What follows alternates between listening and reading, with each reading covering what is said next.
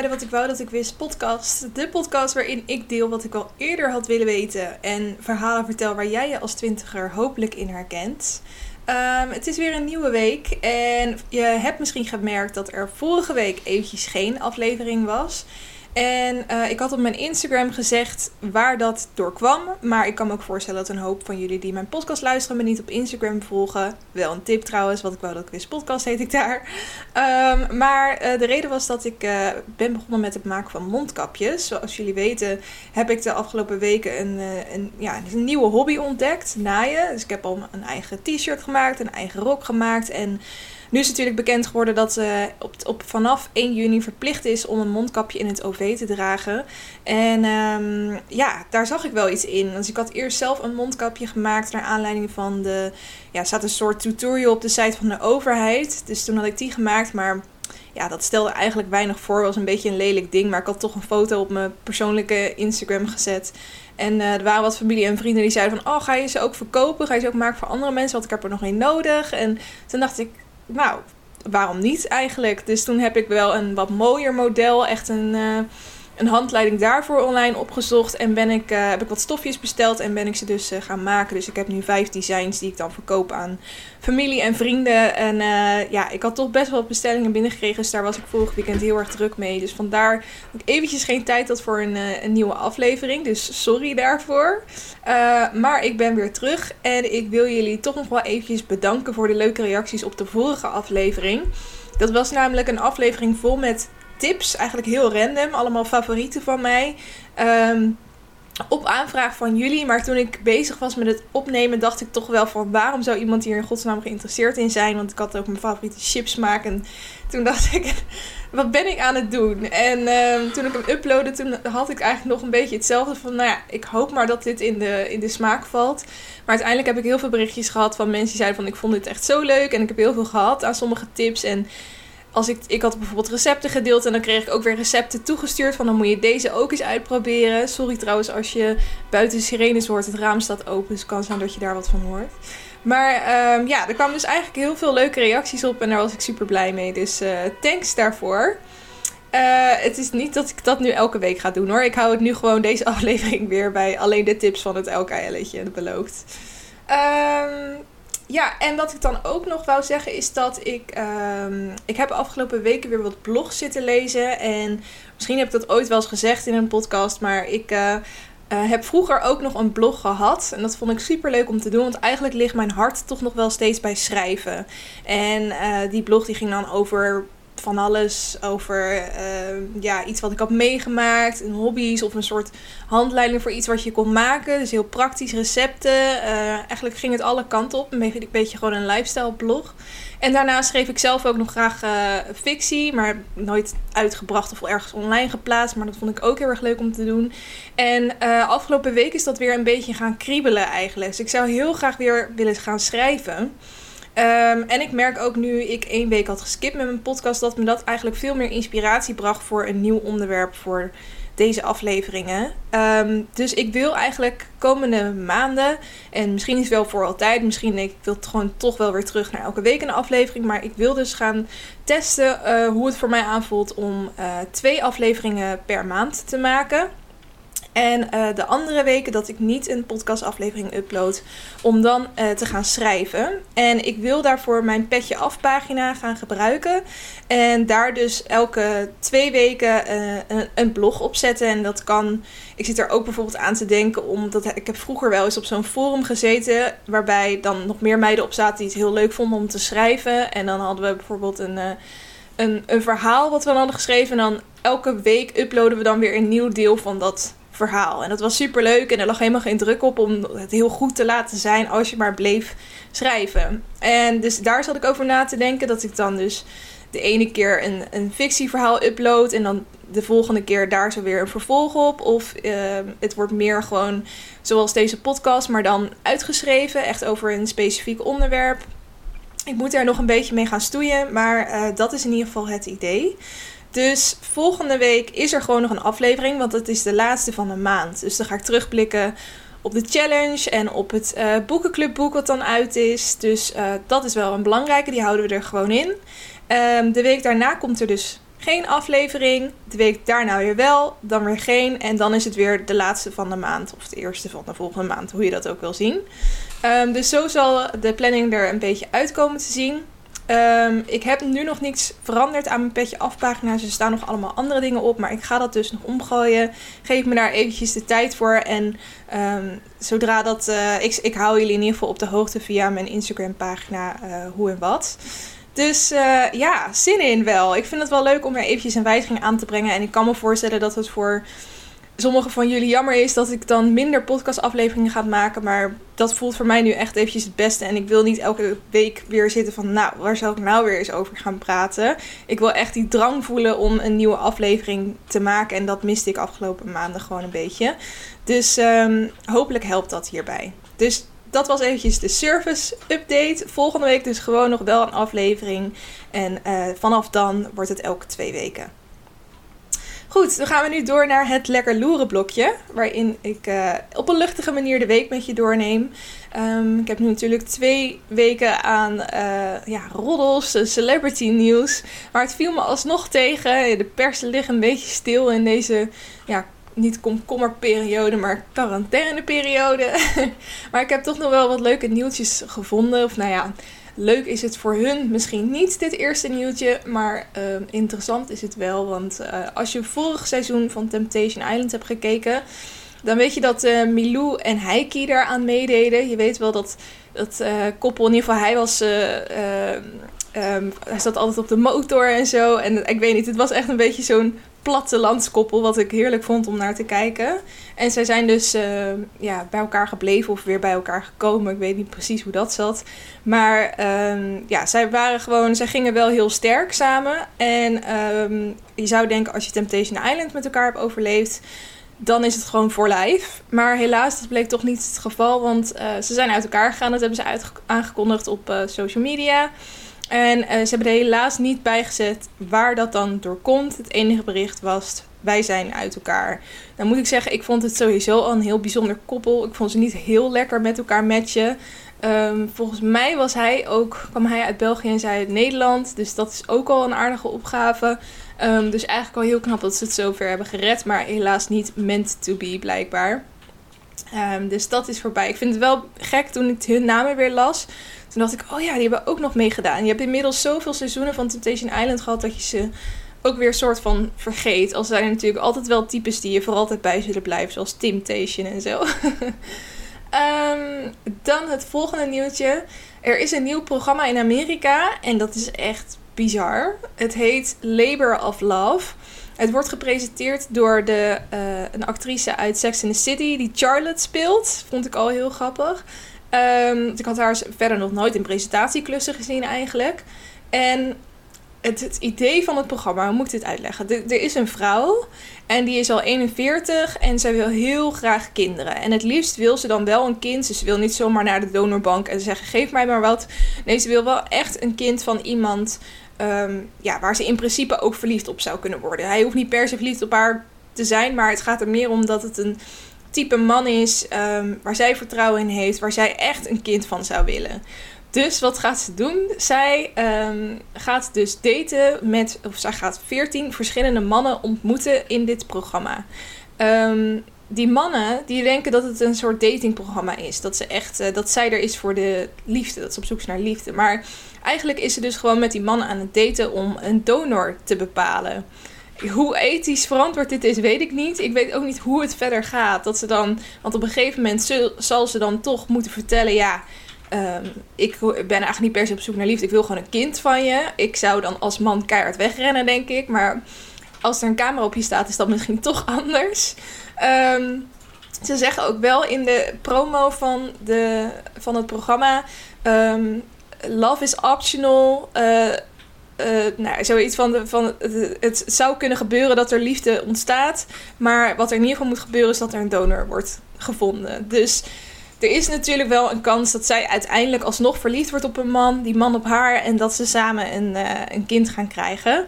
Maar um, ja, dat is dus een beetje het idee van het programma. Het is pas net in Amerika uitgezonden. En daar ontstond best wel wat ophef. Want het is natuurlijk nogal wat. Om gewoon 14 mensen uit te nodigen. waarvan die niet weten dat jij op zoek bent naar hun zaad. En um, dat, uh, zeker voor Amerikanen, is dat dan best wel een heftige pil om te slikken. Dus nou ja, dat uh, gezegd hebbende, ik, het is nog niet bekend of het naar Nederland komt. Ik denk het wel. Ik vind het wel een programma dat het goed in Nederland zou kunnen doen. Um, dus ik zie dat nog wel gebeuren eigenlijk. En als dat zover is, dan zal ik jullie natuurlijk daarvan, uh, daarvan op de hoogte houden. Maar ik wilde dit in ieder geval al eventjes uh, vertellen, want ja, ik vond het best wel insane. Goed, dat heet dus Labor of Love, dat programma. Als je zelf nog een teaser promo wil opzoeken of wat dan ook. Dan nog iets anders wat is uh, gemaakt, is een film. En die film heet Opgepaste Afstand. En dat is een film die uh, volledig in uh, coronaperiode is gemaakt. En ook met de maatregelen die nu gelden dus. En het is, een, veel, het is een korte film, dus het is, ik weet niet precies hoe lang die is, maar het wordt ook echt, echt genoemd als shortfilm. Uh, best wel bekende acteurs en actrices erin. En uh, nou, ik zal dit even oplezen waar het over gaat. In deze korte film ontmoeten Ilias en Eve elkaar ten tijde van de coronacrisis. De twee brengen samen een dag door in de uitgestorven straten van een stad in lockdown. Onder andere met Noortje Herlaar, Tibor Lucas, Huub Stapel, Leo Alkemade. En de regisseur is Jon Karthuis van, uh, hoe heet dat ook weer? Die uh, Zoep, van Soep, sorry, ik kwam er eventjes niet meer op. Met dat enorme haar, weet je wel. Hij is nu regisseur, heel grappig. Maar goed, het, die film, die kan je dus gewoon gratis kijken op Pathé Thuis. Ik zit nu ook op hun website en er staat gewoon kijk vanaf 0 euro. Dus hij duurt trouwens 25 minuten. En uh, ik vind het super leuk dat ze dit hebben gemaakt. En ook dat het gewoon gratis is. Tot 1 juni trouwens. Dus na 1 juni is het niet meer gratis. Dus mocht je deze zondag nog niks te doen hebben uh, en een half uurtje over hebben, kijk lekker deze film. Dat is in ieder geval wat ik straks ook ga doen. Ik heb hem dus nog niet gezien. Maar ik vond het wel heel vet. En de reden dat het ook afgelopen week in het nieuws kwam, is omdat er een versie is gemaakt met Irma. Irma kent iedereen inmiddels. Dat is natuurlijk de doventolk bij um, alle persconferenties. Um, ze is inmiddels echt een beetje onmisbaar. Zo bleek ook afgelopen week. Want toen werd ze opeens gewisseld op het moment dat er vragen gesteld gingen worden. En kwam er iemand anders te staan. Nou, heel Twitter had het erover. Waar is Irma heen? Uh, eh, RIP Irma. Bring Irma back. dat soort dingen. Dat is echt mega grappig. En uiteindelijk bleek het dus zo te zijn dat je na een bepaalde periode, volgens mij een half uur of zo, dat je dan gewisseld moet worden. Omdat het zo intensief is om doventolk te zijn. Omdat het gewoon heel veel. Uh, ja, je moet, het lijkt me ook een heel zwaar beroep om het überhaupt tolk zijn lijkt me al best wel lastig. Omdat je met twee talen zit te stoeien eigenlijk. Maar als je het dan ook nog met je handen moet doen. En het is niet dat je eventjes tegen minister-president kan zeggen van... joh, sorry, je gaat iets te snel, want ik was nog niet klaar met de volgende zin. dus je moet ook echt het tempo bijhouden van uh, degene van de mensen die praten. Dus zij moest gewoon gewisseld worden naar dat half uur. Dus nou, vandaar is dat ook weer verklaard. Maar wat dus zo leuk is, is dat uh, Irma een, een, dove versie gaat maken van de film op gepaste afstand, afstand. Dus ze gaat dan met gebaren de scènes namaken. Zoiets moet het worden. Maar als het goed is, ik weet niet of die al klaar is, maar als je die film dus aanklikt, dan kan je dus ook voor zo'n versie kiezen. Nou, hoe leuk. Hoe, ik vind het gewoon heel bijzonder dat in deze periode, in um, met corona dat dit soort dingen ook ontstaan. En dit gaat ook echt later iets zijn. Um, ja, ik denk dat er sowieso heel veel documentaires over deze tijd uh, zullen gaan ontstaan. Maar ik vind het ook leuk dat er nu gewoon een fictiefilm is die laat zien hoe het is. En ook hoe het is om te daten in deze tijd bijvoorbeeld. Want ik neem aan als ik de tekst lees dat er wel een, uh, ja, een bepaalde romantische situatie gaat ontstaan. Dus heel erg benieuwd. Tot slot, um, ik zei in de vorige aflevering, zo jammer, Love Island gaat er niet komen dit jaar. Uh, want um, van het nieuwe seizoen in Engeland gaan ze geen opnames maken, vanwege corona weer. Um, en toen zei ik, ja, de Nederlandse versie zal er dan ook wel niet komen. Dan hebben we helemaal geen Love Island dit jaar. Nou, huilen, huilen, huilen. Ehm, nu is er goed nieuws, want er komt toch een seizoen Love Island. En dat is Love Island Australia. Ehm, het eerste seizoen daarvan is oud. Die staat al op Videoland. Maar er komt dus een nieuw seizoen, wat dus hiervoor al allemaal is opgenomen. En dat wordt 1 juni op uh, Videoland geplaatst. Dus Love Island Australia, de Australi Australische versie. Ik wil Australiaans zeggen. De Australische versie.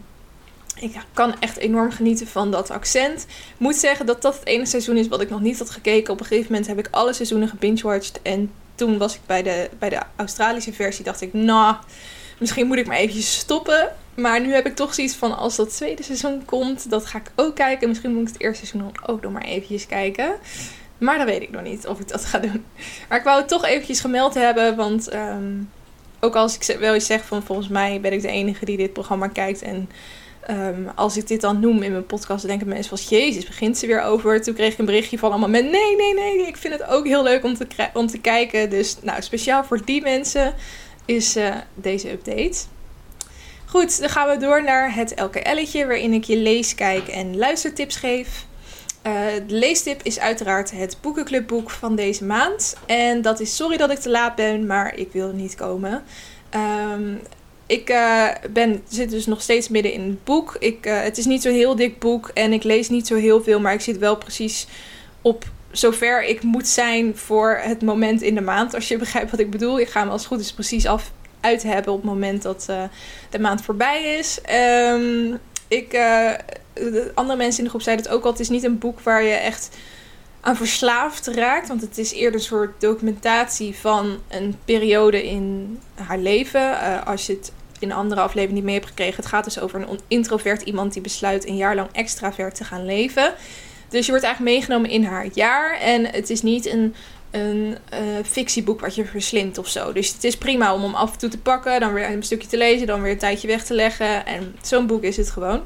Maar ik moet zeggen, als ik hem heb opgepakt, dan geniet ik er wel enorm van. Want nu had ik ook weer een hoofdstuk gelezen over.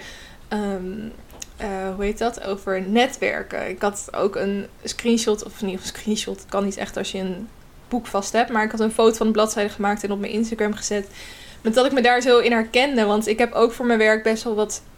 Ja, ben ik best wel wat netwerkevenementen afgegaan. Of eigenlijk zijn het dan eerder. Um, uh, workshops, of hoe noem je dat? Als je dan een presentatie van allemaal verschillende mensen over een onderwerp krijgt. Gewoon zo'n zo'n dag, weet je wel, zo'n conferentie misschien wel. Um, en dan heb je ook in de pauzes, als je daar dan alleen naartoe bent gekomen in de pauzes, dan moet je dan met mensen gaan praten en zo. En hoe zij dat beschreven, had ik ook. Nou, ik had gewoon precies hetzelfde. Als je dan zo'n mensenmassa inloopt en je ziet dat iedereen al in groepjes met elkaar staat te praten. Nou, pak je maar een drankje. Nou, dan moet je kijken waar je een beetje een ingang van kan vinden. Dan hebben mensen het over dingen die je helemaal niet begrijpt. Of dan kijken ze je aan van eh, wat wil je precies. Of dan heb je wel een gesprek uiteindelijk met iemand, maar dan merk je dat diegene gewoon heel erg is aan het zoeken is wat hij bij jou kan halen. In plaats van dat hij echt geïnteresseerd is in wie je bent. Ja, dat hele, dat hele sfeertje op een netwerkbijeenkomst is gewoon echt niet chill voor een introvert iemand. En ik beschouw mezelf niet volledig als introvert, maar hoe zij beschreef dat zij een netwerkevenement meemaakt, dat is echt precies zoals ik dat ook uh, voelde op die momenten. Dus wat dat betreft is het wel echt heel grappig om te lezen. En uh, ja, raad ik het uh, boek nog steeds aan. Volgende week dus de volledige recensies. En daar neem ik ook de recensies van de andere meiden die aan het, en jongen trouwens, die mee aan het lezen zijn. Die neem ik daarin mee. Dan een kijktip. Of het een tip is, weet ik niet. Maar ik weet wel dat het een van de meest besproken programma's is van afgelopen week. Op Nederlands gebied tenminste. Dus ik wil hem wel eventjes noemen. En dat is The Bachelorette met Gabi Blazer. Um, dit is uh, al weken, maanden geleden uh, aangekondigd. Ik gok dat ik het toen ook wel een keer benoemd heb toen het ja, aangekondigd werd dat het gemaakt ging worden. En nu zijn de, ja, is het seizoen dus daadwerkelijk gestart. Het is opnieuw op Videoland te zien. En um, het is, ja, volgens mij, ik denk dat het in Nederland ook wel eerder is geweest. Maar dan was het The Bachelor, volgens mij. Dat heb ik nooit gekeken. Maar dit programma is vooral heel groot in uh, Amerika. En daar heb ik wel eens een seizoen van The Bachelorette gezien. Want toen, volgens mij wisselen ze daar af dat ene keer een man is en dan een vrouw. En eh, toen heb ik één seizoen gezien waarbij het dus ook om een vrouw ging die dan... Dan krijg je iets van 18, 20, weet ik veel hoeveel mannen voor je. En ehm, dan uh, ja, ga, je, ga je daten, want jij bent op zoek naar een man en die mannen zijn er allemaal voor jou. Nou, dat moet ten eerste al ontzettend goed voor je ego zijn. maar het is ook gewoon heel erg leuk om te zien hoe die mannen vechten voor de aandacht van diegene. En hoe er uiteindelijk dan toch wel ja, diepere banden ontstaan. En je helemaal meegenomen wordt op dat, uh, die liefdesstrip eigenlijk. Heel anders dan Temptation Island, waarbij het toch wel meer om, om seks en verleiding gaat. En hier gaat het wel echt om de liefde zoeken. Uh, maar goed, nu is de Nederlandse versie met Gabi Blazer. Um, ik vond het ten eerste al heel interessant in de eerste twee afleveringen. Want dat is wat er nu online staat. Dat je iets meer um, gevoel krijgt bij wie zij is als persoon. Want ik moet zeggen, als je haar op Instagram voelt, dan ga je haar toch al snel, zien als oppervlakkig en aandachttrekkend en uh, lichaam in de uitverkoop zetten op die manier. Maar er zit natuurlijk nog veel meer in haar als persoon. En um, ja, dat zie je heel goed. Je ziet ook dat ze bij de ouders op bezoek gaat. En die gaan beschrijven hoe ze is. En um, ja, dat het, ik, ik vind dat wel heel bijzonder. En als die eerste, dan, dan heb je dus het moment dat zij in die villa, of voor die villa staat in uh, Zuid-Afrika. Daar is het opgenomen, dat is ook wel heel vet. En dan staat ze daar in een jurk en dan komen al die mannen dus één voor één naar haar toe. En die moeten dan wat zeggen tegen haar. En sommigen geven iets aan haar. En dan gaan zij naar binnen en voegen ze zich bij de rest van de mannen die al zijn geweest. Maar dat hele stuk, ik vond dat zo ontzettend ongemakkelijk om naar te kijken. Want het is. Uh, ja, ik, ik weet niet of jullie dat ook hebben. Maar op het moment dat ik iets ongemakkelijks vind op de tv, dan kan ik er gewoon fysiek niet naar blijven kijken. En dan pak ik automatisch mijn telefoon erbij. En dan heb, soms open ik niet eens wat daarop. Maar dan, wil ik, dan kijk ik gewoon van mobiel af en toe naar de tv. Omdat ik niet volledig zo'n scène met mijn ogen kan volgen. Omdat ik het gewoon zo ongemakkelijk vind. Want al die mannen, die zijn ontzettend zenuwachtig. En dat is ook het enige wat ze, wat ze vragen. Dus het begint met, hoi, hoe is het? Um, zenuwachtig? Ja, ik ook. Uh, waar kom je vandaan? ik kom hier en hier vandaan. Nou, dan geeft ze eventueel een cadeautje en dan gaan ze naar binnen. En dat had je dus, ik weet uit mijn hoofd even niet, meer hoeveel mannen er waren, maar laten we zeggen 18 keer achter elkaar. Nou, ik kon het niet aan gewoon. En ook daarna, toen uh, was er een scène waarbij ze dan een cocktailparty hadden. En dan moesten ze dus ja, één voor één met haar een praatje gaan maken. Maar dat was niet georganiseerd wie dan als eerste ging en wie daarna. Dus die mannen die moesten echt, die zaten als soort van haviken zo te kijken wanneer ze vrij was, tussen aanhalingstekens. En dan gingen ze dan op haar afrennen en dan een heel diep gesprek met haar hebben. Nou, ik, ik zou, het zou niks voor mij zijn, laat ik het zo zeggen. Al die mannen die ja, onrustig om je heen staan en iets van je willen. Um, maar zij, zij lijkt er heel erg goed op te gaan. En um, ze vindt het alleen maar heel erg leuk. Nou, en dan heb je natuurlijk de rozenceremonie. Wie krijgt er een roos en wie niet. En als je geen roos hebt, dan moet je naar huis. Dat is een beetje het idee van het programma. Ik ga het wel blijven kijken komende weken. Maar ja, ik weet niet. Ik kon er nu nog moeilijk naar kijken. En ik denk dat dat is omdat het nu gewoon nog allemaal heel erg ongemakkelijk is. En op het moment dat zij straks um, wat mannen heeft die ze wel heel erg leuk vindt. En waar het lekker mee gaat. Dat het dan wel heel... Uh, ja, veel interessanter wordt om naar te kijken. En dat je dan ook echt van, oh nee, ze moet voor die gaan en niet voor die. Nu heb je nog geen idee wie al die mannen zijn. En het enige wat je van ze weet is dat je ze heel ongemakkelijk vindt. Dus, uh, nou ja, dat over The Bachelorette. Um, mocht dit toch je indruk wekken, het uh, staat op uh, je indruk wekken, mocht dit toch je aandacht trekken, dan uh, staat het seizoen op Videoland. Dan nog een luistertip. Um, ik weet niet hoe ik erop kwam. Maar ik had op Spotify muziek aangezet van High School Musical. Nummer 1, zeg maar. Je hebt drie films of zo, maar van de eerste film. En um, ik ging daar zo lekker op. Dus ik dacht, ik deel de tip gewoon even. Als jij een keer terug wil naar uh, je jeugd en um, liedjes daarvan, dan moet je gewoon eens van je favoriete films opzoeken welke liedjes erin zaten. En bij High School Musical zijn dat natuurlijk best wel wat. Want zoals de naam al zegt, is het deels een musical. Dus um, zijn er heel veel liedjes. Maar ik heb het ook bijvoorbeeld bij andere films die ik heel vet vond. Dan ga ik gewoon. Dan typ ik de naam in van die film. En dan ander soundtrack erachter, bedoel ik. En um, dan word je echt zo hard weer teruggebracht naar die tijd. Ik vind dat altijd heel mooi hoe muziek dat kan doen. En uh, het zal je ook verrassen hoeveel tekst je nog kent. Zeker bij High School Musical, ik kon letterlijk nog elk liedje meezingen. En uh, ook al besef ik me hoe slecht die films eigenlijk zijn. Um, op het moment dat ik ze voor het eerst zag, vond ik ze helemaal fantastisch. Dus dan wordt dat gevoel toch weer bij je opgeroepen. En uh, ja, ik vond dat wel, ja, gewoon hashtag memories. dus even een kleine tip tussendoor. Goed, dan gaan we nu door naar het hoofdonderwerp. En het hoofdonderwerp gaat over onzekerheid over je, je eigen kunnen. Over, ja, dat is het eigenlijk, onzekerheid over je eigen kunnen. En hoe ik erop kwam, ik, um, ik volg een uh, YouTuber op Instagram. Het is een Amerikaans meisje, ze heet Lauren Elizabeth. En um, ja, zij, zij startte een Truth Challenge. Zij had uh, uh, op haar Instagram gezet Um, ik denk dat het moeilijk is om elke dag op Instagram in te loggen en constant maar highlight reels te zien van andermans leven. Soms is dat heel leuk om te zien, maar vaak ook niet. En ik heb daarom besloten om wat waarheden over mezelf te delen, om het echt, te, om het echt, echt te houden. To uh, keep it real, zoals in het Amerikaans zei. Um, en vervolgens deelt ze dan bijvoorbeeld dat ze al heel lang niet gesport heeft, omdat ze de motivatie niet voelt. Terwijl heel veel van haar foto's op haar Instagram feed uh, toch wel haar strakke lichaam uitlichten. Ze zegt uh, dat haar kamer een zootje is, terwijl ze normaal zoveel plezier uithaalt om het schoon te houden. Dat ze elke dag snacks aan het eten is en het liefst heel de dag in bed ligt. En uh, dat ze vooral heel veel tijd met haar familie doorbrengt en dat ze wel, daar wel heel erg van geniet. Maar ook dat eigenlijk niet uitlicht op haar Instagram. Um, ja, en ze zegt dus eigenlijk van... I've had social media anxiety the whole quarantine and I hate asking things of people. In real life or work or anything. I feel scared about the future and the world and life. A lot of things. But I thought it'd be really cool if people logged onto Instagram and saw a few real things they could relate to and have a little mood boost in their day too. En dan tekst ze dus een hele hoop mensen die ze uitdaagt om ook die Truth Challenge te doen.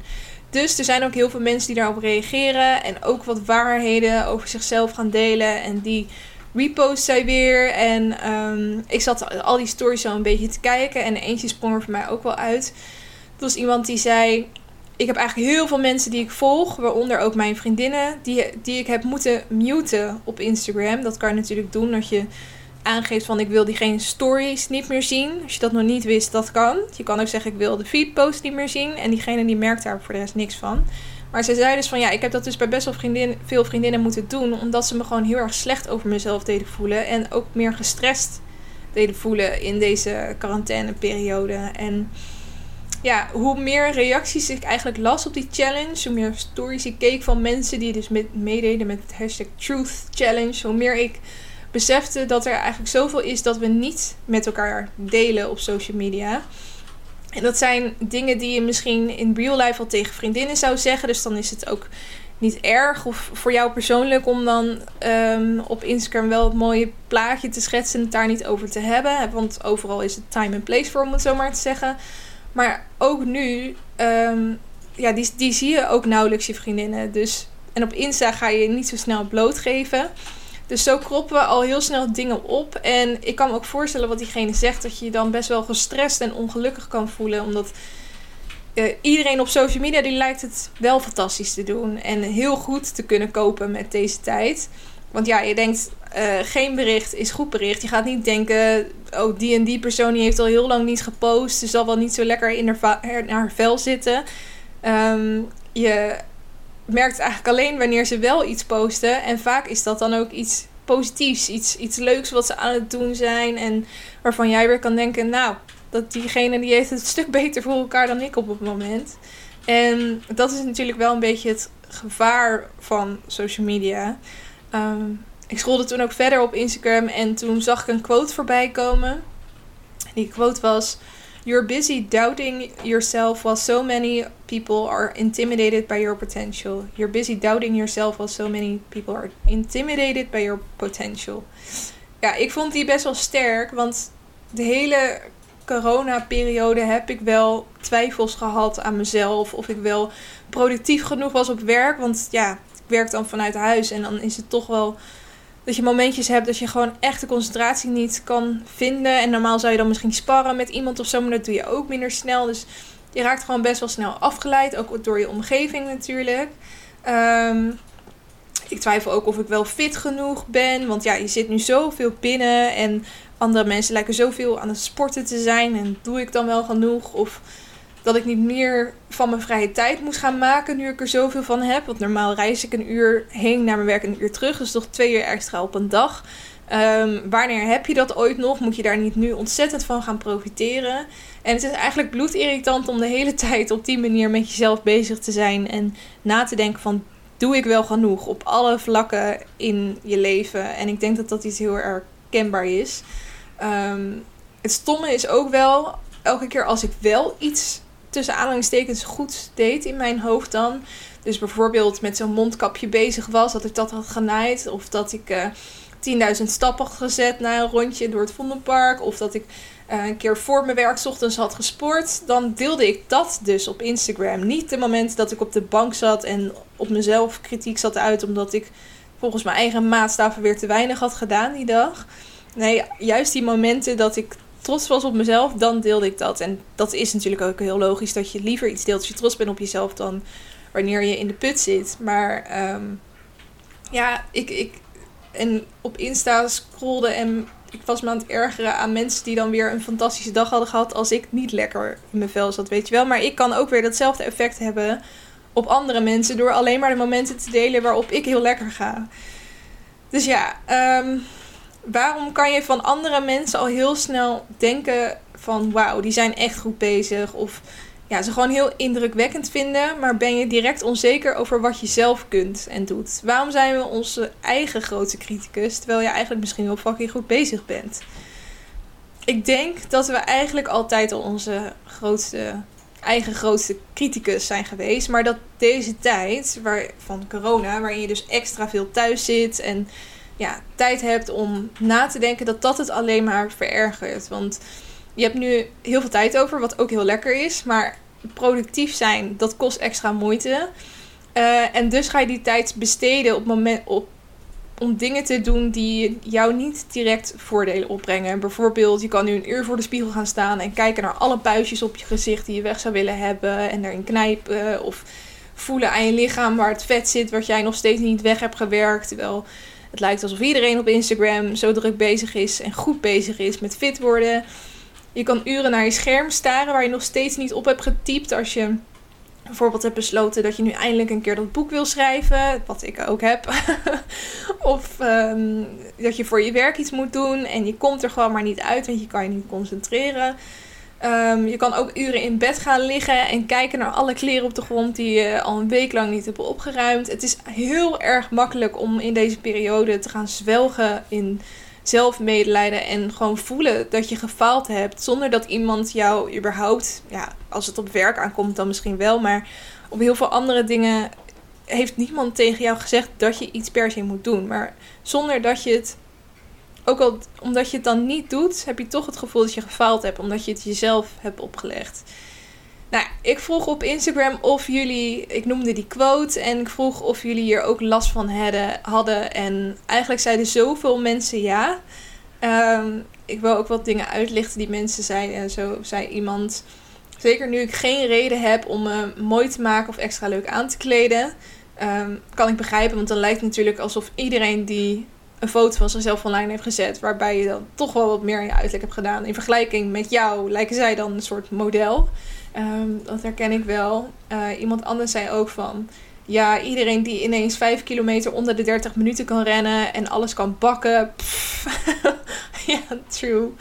Oh, dat heb ik ook gedaan. Ik heb ook gedeeld dat ik een bananenbrood had gebakken. Wat erg ja, het mag ook gedeeld worden, maar je moet ook eigenlijk het andere plaatje laten zien dan.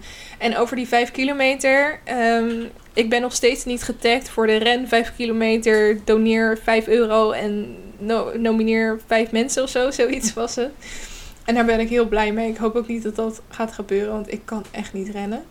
Um, iemand anders zegt ook, al mijn vriendinnen zijn zo druk bezig met fit worden en ik niet. Kan ik me ook heel goed voorstellen dat je daardoor niet goed voelt of niet. Ja, daar zit je natuurlijk niet van lekker in je vel.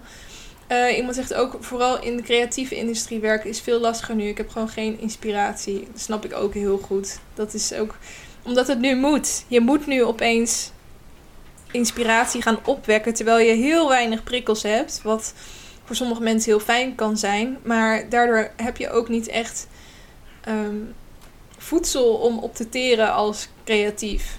Dus dat snap ik heel goed. Eh, het is bijna alsof je nu geen excuus hebt om niet productief te zijn. Dus dan voel je je slecht. Nou, precies dat, inderdaad. Gewoon echt dat. Want ja, je hebt de tijd. Dus waarom ga je niet productief zijn dan? Um, iemand zegt ook, nu ik klaar ben met school en dus echt vrij ben, is dit gevoel tien keer erger geworden. Dat weet ik ook nog heel goed. De zomer dat ik klaar was met mijn examens van de middelbare school.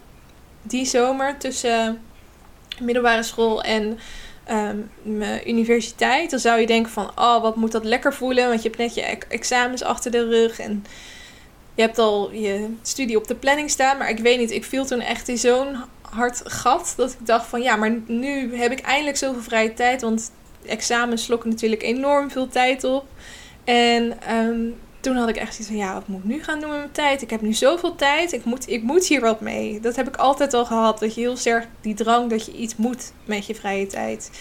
Dat, dat maakt je gewoon heel erg onrustig. Dus ik snap dat je dat zegt. Dat je nu je klaar bent. Dat je nog dat gevoel nog erger wordt. Gelukkig zijn er ook een aantal mensen die hier helemaal geen last van hebben. Uh, iemand had me een berichtje gestuurd.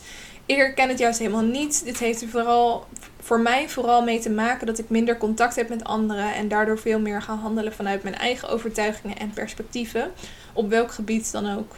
Normaal is het zo gemakkelijk beïnvloed te worden door of onzeker te worden van mensen om je heen.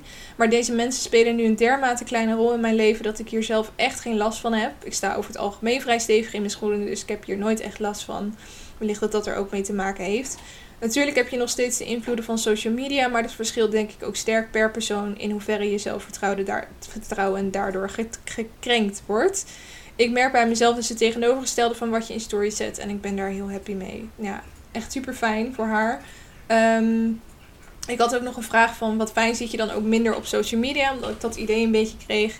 Zei ze nee, dat is eigenlijk niet veranderd ten opzichte van voor de crisis. Ik ben een tijd geleden al gestopt met het volgen van accounts waar ik niet blij van werd. Elke keer als ik nu op social media zit, vind ik het juist echt leuk en haal ik er heel veel inspiratie uit. Ik denk dat dat ook een hele goede activiteit is voor nu in uh, social media tijd. Ik heb die tip wel eens eerder gegeven, maar om echt eens goed door de mensen heen te gaan die je volgt. En um, nou ja, zoals Marie Kondo dat ook doet, uh, word ik hier blij van is het twijfel of nee? Uh, direct ontvolgen. En zo creëer je voor jezelf ook een feed waar jij persoonlijk heel erg blij van wordt. Maar ja, dan kan het natuurlijk nog steeds voorkomen dat je vrienden of familie hebt die heel enthousiast over al hun productieve dingen aan het posten zijn. En dat toch, dat, dat toch enig effect voor jou heeft of op jou heeft. Um, en dat is lastig te voorkomen, tenzij je al die mensen gaat muten, wat ook een optie is, maar wat je misschien wat minder snel doet. Um, een luisteraar stuurde mij ook een artikel door. En dit is echt een fantastisch artikel. Dus ik ga dat ook eventjes in de beschrijving van deze aflevering zetten. Want het gaat echt precies over dit onderwerp. Het was uh, van de New York Times. En het artikel heet Stop, Trying to Be Productive, volgens mij. En um, daar stonden hele interessante dingen in. Ik quote eventjes een stukje eruit. Uh, the idea that we have so much time available during the day now is fantastic, but these days it's the opposite of a luxury. We're home because we have to be home, and we have much less attention because we're living through so much. Um, dat vond ik wel heel goed gezegd, want dat is iets dat we moeten beseffen. Dat het is niet van dat we ervoor kiezen om thuis te zijn. Nee, we moeten thuis zijn. En dat levert al een hele andere ja, vibe op dan dat je ervoor zou kiezen om thuis te zijn. En dat laatste, we have much less attention because we're living through so much. Je moet heel goed beseffen dat de tijd waarin wij leven niet normaal is. En dat je um, nog steeds, ook al zit je misschien meer thuis en het idee hebt dat je minder prikkels hebt, dat je altijd onbewust nog bezig bent met um, ja, wat er allemaal gaande is in de wereld op een moment. En dat dat ook, ook heel erg kan bijdragen aan hoe je je voelt. Um, wat er verder nog in het artikel staat is dat het, het feit dat we allemaal zoveel willen nog steeds, dat het het perfecte voorbeeld is van de hustle culture waarin we leven. The idea that every nanosecond of our lives must be commodified and pointed towards profit and self-improvement. dat is de definitie van hustle culture. Ehm, wat dus zo erg diep gegrond zit in ons. Dat zelfs al ehm, wordt niet van ons gevraagd. Tuurlijk, thuis werken, je moet nog steeds werk doen. Maar zelfs al wordt er gezegd van nou ja, we gaan thuis zitten, we doen allemaal een stapje terug. Blijft nog steeds die tendens in je zitten dat je dingen moet. En deze, nu is het dat dan misschien op het gebied van je vrije tijd. Dat je al die klusjes doen waar je normaal nooit aan toe kwam. En uh, de dingen doen uh, die je wilt, altijd al wilde doen, want nu heb je de tijd ervoor. Um, op het moment dat je die dingen niet doet, dan ga je jezelf al snel als gefaald zien. Als je niks doet, terwijl niemand je eigenlijk opdraagt om datgene te doen. Um, en hoe minder je eigenlijk doet, hoe minder vertrouwen je krijgt in jezelf. En hoe beter andere mensen gaan lijken. Terwijl, vergis je niet, hè, die mensen uh, waarschijnlijk op precies dezelfde manier naar jou zouden kunnen kijken. Het zal je echt verbazen hoeveel mensen onder de indruk zijn van jou. Van je uiterlijk, je innerlijk, wat je doet in het leven, je levenslust, je hobby's, al je capaciteiten. Op de momenten dat jij je eigenlijk het allerslechtst voelt over jezelf, kan een ander enorm jaloers zijn op jou. Um, en andersom natuurlijk precies hetzelfde. Het is een soort wisselwerking. Maar het is heel makkelijk om je bewust te zijn van de momenten dat jij jaloers bent op iemand anders. En uh, je niet bewust te zijn van het feit dat iemand ook wel eens jaloers op jou zou kunnen zijn. Vanwege hetgene wat jij allemaal hebt en doet en kan ja, ik zou nu kunnen zeggen: probeer jezelf gewoon niet zoveel te vergelijken met anderen. Maar dat is natuurlijk veel makkelijker gezegd dan gedaan. Ik snap dat dat niet te doen, nou ja, niet te doen, dat dat gewoon heel moeilijk is. Ik denk dat het vooral belangrijk is om jezelf wat meer complimenten te geven. Echt trots te zijn op de dingen die je wel doet. Ook al is dat misschien veel minder dan je in eerste instantie had ingecalculeerd. Um, en um, daar trots op te zijn en het niet aan een maatstaf proberen te leggen. Uh, dankbaarheidsboekjes, zijn echt super cliché, maar zoals dat is met de meeste clichés, helpen ze wel echt. Is gewoon een boekje waar je elke avond inschrijft uh, waar je dankbaar voor bent. Uh, dat kunnen dingen zijn die je zelf hebt gedaan op het moment ja, op het punt van of productiviteit. Maar het kan ook zijn dat je een extra uurtje met je familie hebt doorgebracht die je anders niet had gehad. Of Um, ja, probeer ook met dat soort dingetjes gewoon heel erg blij te zijn. Want dat is ook wel bijzonder aan deze tijd. Je hebt gewoon extra vrije tijd en je hoeft eventjes niets. En het feit dat je minder prikkels hebt en meer tijd met familie of met je partner. Daar moet je ook gewoon ontzettend blij mee zijn. Want straks is er weer een nieuwe fase. We bouwen nu alweer af met de maatregelen. Um, en in die nieuwe fase zou het best wel eens kunnen dat je gaat terugverlangen naar deze manier van slow living, tussen aanhalingstekens. Want dat is het eigenlijk een beetje. En het eventjes niets moeten. En um, dat zul je echt gaan zien. En dan zal je zo hard balen dat je nu niet meer hebt genoten van de momenten dat je even niets hoefde. En um, dan is het eigenlijk zonde dat je deze tijd hebt gespendeerd aan balen van de dingen die je niet hebt gedaan. En ja, kritisch zijn op jezelf en jezelf vergelijken met mensen op social media die volgens jou meer doen of dingen beter doen zoals jij doet. Dat is zo zonde van deze tijd. En probeer echt te focussen op um, ja, deze tijd op waarde schatten. Want dit is zo'n bizarre tijd. Dit gaat, als het goed is, nooit meer gebeuren. Uh, zolang wij leven, tenminste. Um, en tot slot is het denk ik ook heel erg belangrijk dat we hier open over zijn met z'n allen. Hoe we ons voelen. Want zoals Lauren Elizabeth die challenge deed, ik vond dat zo inspirerend. En dat betekent niet dat jij nu aan al je volgers bekend hoeft te maken dat je al een week geen make-up op hebt, omdat je liever je puistjes uitknijpt terwijl je in bed ligt. maar probeer eens in een Zoom-call met vriendinnen niet alleen over highlights te praten, maar ook echt over hoe je je voelt als je echt slecht in je vel hebt gezeten, om het daar gewoon over te hebben. Want je zult zien dat zij uh, daardoor ook weer over hun vertellen. En wie weet zit zij precies hetzelfde schuitje. En dat kan jezelf ook alweer een beter gevoel geven. Um, je kan mensen ook eens een berichtje sturen met: Oh man, ik heb echt een slechte dag vandaag. Hoe ga jij? Stel jezelf een beetje kwetsbaar op. Want dan geef je andere mensen ook uh, ja, de ruimte om daar ook wat opener over te zijn. En gevoelens te delen. En uh, ja, klinkt misschien een beetje, oh, lekker over onze gevoelens praten allemaal. Maar dat is denk ik wel ontzettend fijn om dit te doen als je daarmee zit met dat soort dingen. Um, ja, je zult zien dat het ook nog eens hele mooie gesprekken op kan leveren. Die je misschien anders niet had gehad als je het niet had gevraagd. Dus ja, dat. Um, daarbij wil ik dit onderwerp wel eventjes afsluiten. Ik uh, hoop dat je er iets aan hebt gehad. Um, tot slot nog eventjes over de challenge. Um, het gaat nog niet zo heel goed met mijn random acts of kindness. Uh, ik merk dat als je alleen maar in huis ziet, zit, dat je uh, weinig kansen ziet om random dingen te doen. het zijn meer planned acts of kindness aan het worden. Uh, dus ik ben nu een plan aan het uitdenken om komende week ook nog eventjes wat leuke dingen voor mensen te gaan doen. Um, zo random is het dus dan helaas niet meer. Maar ja, het, uh, dat is nu eenmaal zo in deze tijd blijkbaar. Um, maar ik ga daar volgende week uh, alles over vertellen. Dus dan zal ik je laten weten hoe het is gegaan met mijn random acts of kindness. dus daar hou ik het eventjes bij. bedankt voor het luisteren. Als je het leuk vindt, dan mag je me dat altijd laten weten op mijn Instagram, wat ik wou dat ik wist podcast. En hopelijk ben je er volgende week ook weer gezellig bij. Ik wens je een fantastische week toe. Doei doei!